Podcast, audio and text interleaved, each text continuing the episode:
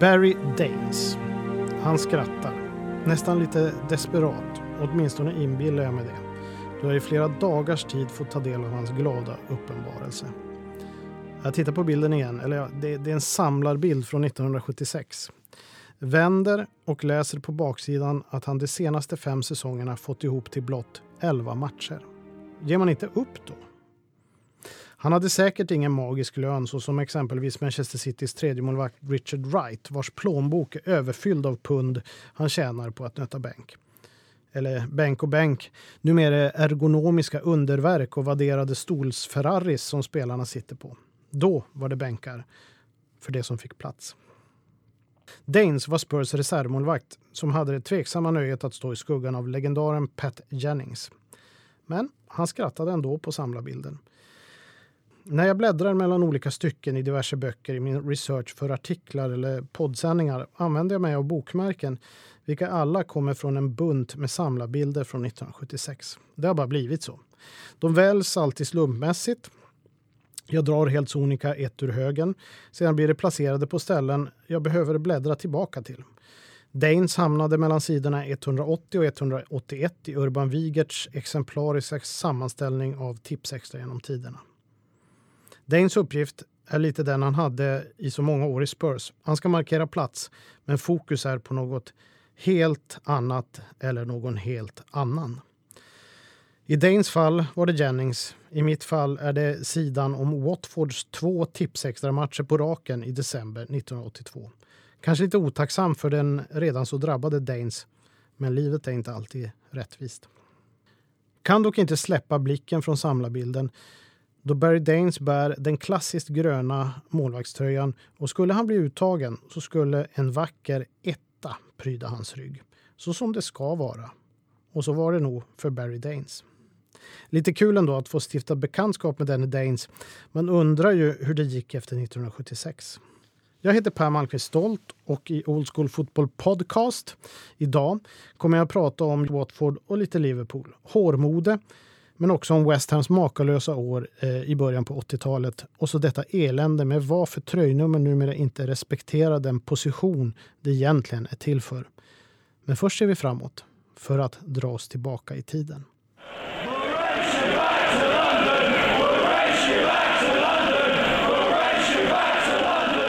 På söndag tar Watford emot Liverpool på Vicarage Road. Den gamla arenan där Sir Elton John hållit konserter för att få ihop pengar för The Hornets. Men eh, Old School Football vrider som vanligt klockan tillbaka till en lördag för länge sedan. En tid där fotbollens kanske allra märkligaste mode genom tiderna, permanentat hår, sakta är på väg att övergå till kortare frisyrer utan någon direkt karaktär som därefter framåt mitten av decenniet övergått till en engelsk variant av hockeyfrillan där man låter det växa i nacken men snaggar inte på toppen. Såvida man inte hette Chris Waddle. Sällan hade väl hårmodet förändrats så snabbt som under dessa år. Runt decennieskiftet 1970 så var det första gången som spelarna tog ut svängarna och anlade långt hår. Började umgås med rockstjärnor och modeller, vilket får ses som startskottet för dagens superstjärnestatus status hos fotbollsspelarna. Då var det i mångt och mycket George Best som gick i bräschen och därefter lirare som Chelseas Peter Osgood. Men eh, mer om detta i en podd längre fram.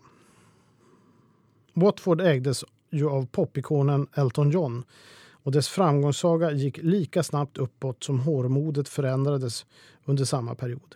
1978 vann klubben fjärde divisionen och 1983 blev man tvåa i högsta divisionen och 1984 nådde laget sin första och hittills enda fa kuppfinal En final vars uppladdning dominerades av en Elton John rörd till tårar.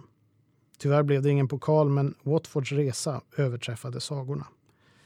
Den 11 december 1982 skulle detta succélag presentera sig för Tipsextra-tittarna för första gången. Men inte på Vicarage Road, utan på Anfield Road där Liverpool FC väntade. Den tidens Liverpool var inte dagens, utan en nästan omöjlig nöt att knäcka i en tid där det var som allra mest överlägsna. Och mycket riktigt, inte ens Watford kunde hejda dem. Matchen slutade 3-1 efter att högerbacken Phil Neal slagit in två straffar och den notoriske målskytten Ian Rush också satt en strut. Watfords mål gjordes för övrigt av vänsterbacken Will Frostron. För första gången fick vi stifta bekantskap med Watfords fruktade anfall. Den store Luther Blissett som center tillsammans med en lika kraftfull Ross Jenkins. Blissett skulle senare gå för en stor summa till AC Milan. Men det var på kanterna det mesta skapades. På högern opererade Nigel Callahan och på vänstern fanns en blivande Liverpool-legendar, John Barnes. Snabba anfall, långa bollar och innermittfältarna Kenny Jacket och Les Taylor hade egentligen bara en uppgift, att vinna boll. Men det var skärmigt och effektivt. Särskilt när John Barnes fick briljera med sin magiska vänsterfot. Mot Liverpool räckte det dock inte. Vid den här tiden spelade Bob Pasteys lag en totalfotboll som gjort laget bäst i Europa. One touch, rörelse och så verkade det inte spela någon roll vem man satte in. Alla visste hur fotboll skulle spelas och gjorde det med vägvinnande bravur. Som Everton-supporter var detta lag det hemskaste jag visste. Det var oövervinneliga. Jag eh, vet att senare upplagor runt 1986 och 1988 kan mäta sig och kanske är bättre, inte minst tack vare John Barnes. Men detta gäng var en monstermaskin på 22 ben. Bruce Grobbelaar i mål med en försvarslinje bestående av Phil Neal, Phil Thompson, senare Mark Lawrenson, Alan Hansen och Alan Kennedy. Ja, ni förstår ju. Inte många mål i den målburen. Förutom möjligtvis när Grobbelaar ville skoja till det. På mitten fanns en kombination av bollvinnande och one-touch-konstnärskap, ofta i en och samma kropp. Just den här säsongen var det Sammy Lee, Graham Souness, Craig Johnston och Ronnie Whelan som dominerade. Och så spelgeniet Kenny Dalglish längst fram, matandes en av de främsta foxes in the boxes genom alla tider, Ian Rush. Och när det inte riktigt stämde för de två så kunde man ju alltid slänga in David Fairclough. Ja, det var gänget som Watford ställdes mot. Staffan Lindeborg förmedlade händelseförloppet i denna treårsmatch till Tipsextra-publiken. Veckan efter eh, var nog så svår, men ändå lättare. Då vann Watford med 2-1 mot Ipswich. En symbolisk seger, inte minst för att eh, det var Watfords första i Tipsextra, men också för att Ipswich blev ligatvåa säsongen innan. Men 1983 var det lilla Watford som intog placeringen bakom omöjliga Liverpool.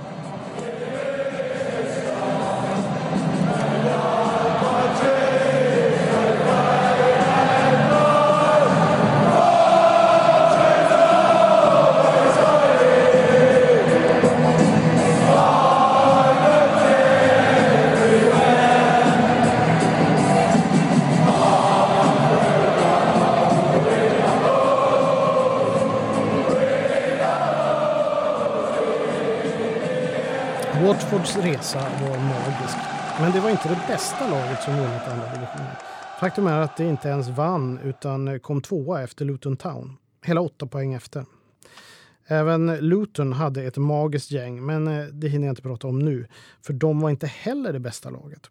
Det finns givetvis massor med kandidater. Everton 1931, Spurs 1950, Ipswich 1961 och Nottingham 1977. Klubbar som vann ligan säsongen efter uppflyttning, direkt efter alltså.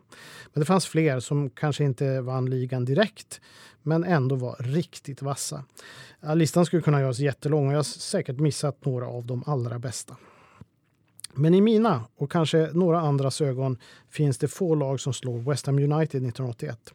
Det vann med hela 13 poäng före tabelltvåan Notts County och det i en tid då det endast gavs två poäng för seger.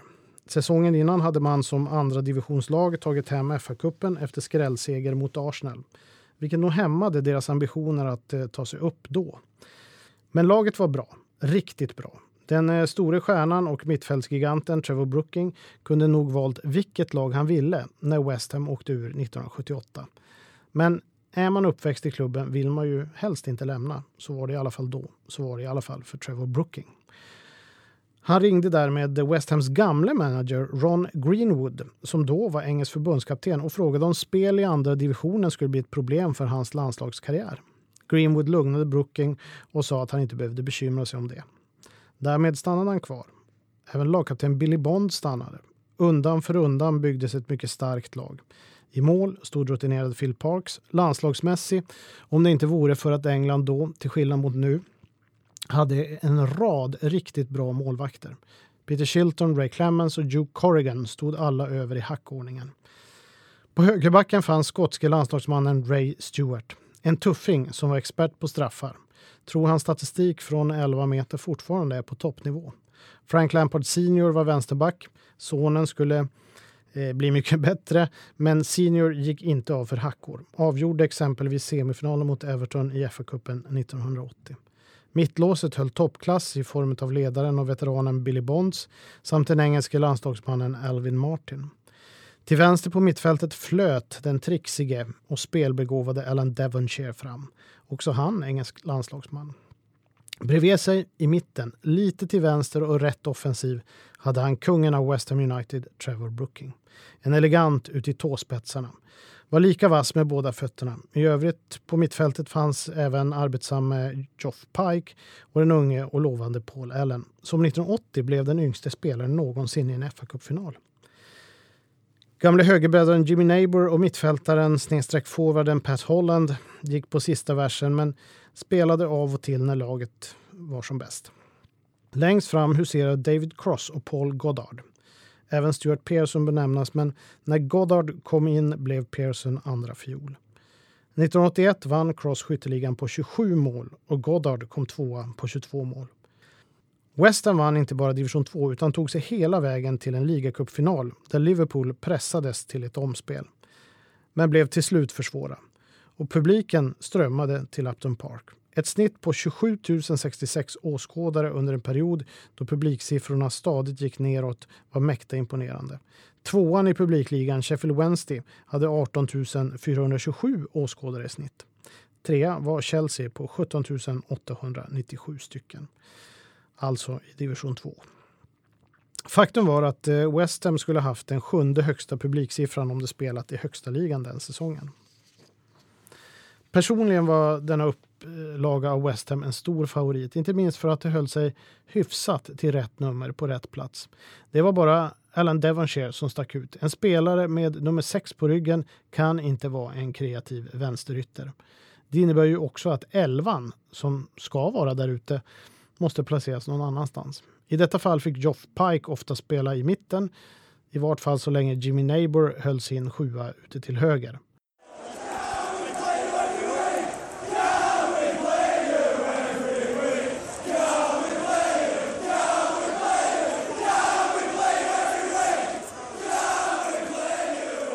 Innan all denna sifferexercis urartar helt och hållet, vilket den kommer att göra om några meningar, kan det vara läge att reda ut begreppen. Jag är uppväxt under kollektivets storhetstid och då menar jag inte ideologiskt eller de strömningar som förändrade vår tid i slutet av 60-talet och början av 70-talet. Det var fascinerande i sig, men faktum var att laget eller kollektivet inom fotbollen, som i många andra sammanhang, alltid gick före individen. På gott och ont, men, men så var det. Och då kan vi använda oss av eh, nummer på tröjan som exempel. Första FA-cupfinalen tröjnummer användes var mellan Everton och Manchester City 1933. Everton hade då nummer 1-11 och City 12-22. Men det ändrades till 1-11 i varje enskilt lag. Och då utgick man från existerande spelsystem som alltid var 2, 3, 5. Och spelarna fick nummer efter position. Målvakten med nummer 1, högerbacken fick 2, vänsterbacken 3. Framför dem fanns en centerhalv som styrde försvaret och mittfältets bakregioner. Han spelade följaktligen i mitten och hade alltid nummer 5. Till höger fanns en halvback med nummer 4 och till vänster en halvback med nummer 6. Högeryttern hade 7, högerinnern 8, centerforward 9, vänsterinner 10 och vänsteryttern 11. Sedan luckrades de här positionerna upp någonstans på 60-talet och 1966 vann England VM med en 4-3-3 uppställning. Och sedan var vi ganska snabbt inne i min generations uppställning 4-4-2. Något grovhugget beskrivet. Och nu börjar ni förstå vilka problem som uppstår. Jag kunde köpa att man i fyrbackslinjen drog ner en av halvbackarna, det vill säga antingen fyra eller sex. Men fem ska alltid vara där. Det innebär att antingen en fyra eller en sexa kan spela på mitten, på mittfältet. En halvback kan ju vara back eller mittfältare. Bredvid sig i mitten ska där finnas en offensiv speldirigent. En överbegåvad inner, helst nummer 10. För det är eleganternas nummer. Centerforwarden ska ha nummer 9. Helst den stora av två anfallare i en 4-4-2. Det ska alltid finnas en stor center och en begåvad forward bredvid, det vill säga en offensiv inner. I detta fall ska det följaktligen vara en nummer åtta. Högerytten ska alltid ha nummer sju och vänsterytten ska alltid ha nummer elva oavsett om det är mer mittfältare än yttrar. Nu börjar ni förstå irritationen över Alan Devonshires sexa. Det började luckras upp även det på 70 och 80-talet, det vill säga vilka siffror man fick välja oavsett vilket spelsystem man befann sig i. I stort sett höll man sig till sifferetiketten efter 4-4-2 justeringar, men det fanns allt fler undantag. Minns att Spurs lagkapten Steve Perman spelade andra halvan av karriären nästan uteslutande som högerback, men ville alltid ha nummer 6. Det innebär ju att en tvåa kunde hamna på mittfältet och, mittfältet och det passar sig liksom inte. Nu var det mest Chris Hewton som tog tvåan som vänsterback och det är lite bättre. Tror mig minnas att Evertons John Hurst redan på 60 och i början av 70-talet fick ta nummer 10 och kliva ner som mittback. Men jag kan minnas fel. Liverpools Tommy Smith däremot var en av dessa inrar som under 60-talet fick ta mer ansvar bakåt. Men en benknäckare som Smith med nummer 10, det passar sig inte. Men det var det han bar. Och så Liverpools makalösa mästarlag på 80-talet. Hur det stökade till i mitt ordningssinne. Tydligen var mittbackarna Alan Hansen som hade nummer 6 och Phil Thompson samt senare Mark Lawrenson som hade nummer 4 helt ointresserade av det faktum att det ska vara nummer 5 i mittförsvaret. Så att eh, Ray Kennedy, Ronnie Whelan och ibland Craig Johnston fick ta nummer 5. Ofta killar som spelade i mitten eller, gud förbjude, till höger eller vänster. Graham Souness bar nummer 11 på mitten mittfält. Sammy Lee fick ta åttan, som även Jimmy Case haft före honom, och spela ute på högerkanten eftersom Kenny Dalglish ville ha nummer 7, precis som Kevin Keegan före honom. Ja, allt blev en enda röra, åtminstone för mig. Men Liverpool var inte ensamma och det skulle bli mer förvirring fram till våra dagar då allt nu är individualiserat i och med att eh, spelare får ett nummer för hela säsongen oavsett om man är på plan eller ej samt att den där eh, samhörigheten mellan position och nummer, ja, det är ett minne blott. Numera tillhör tröjnumret individen, inte laget. Och hur gick det då för Barry Danes? Jo, det blev till slut 146 matcher för Spurs och säsongen eh, 1977-78 spelade han faktiskt alla 42 matcher. Nästa vecka är Old School Football Podcast tillbaka med nya irrfärder i det som en gång varit men som jag så gärna försöker väcka upp med hjälp av ett retoriskt, kanske spattigt men ivrigt fladdrande strålkastarljus. Det blir veckans match, en massa funderingar och så The Swinging Sixties med Peter Osgood Raquel Welch och Eric Clapton. Ja, ni vet. Till dess får ni hemskt gärna gå in på svenskafans.se snedstreck England snedstreck old school och läsa om fotboll från förr. Finns även på Facebook som uppdateras dagligen. Och har ni inte hört tidigare poddar, gör gärna det. Eh, det går givetvis att prenumerera via iTunes eller dylik Android-motsvarighet.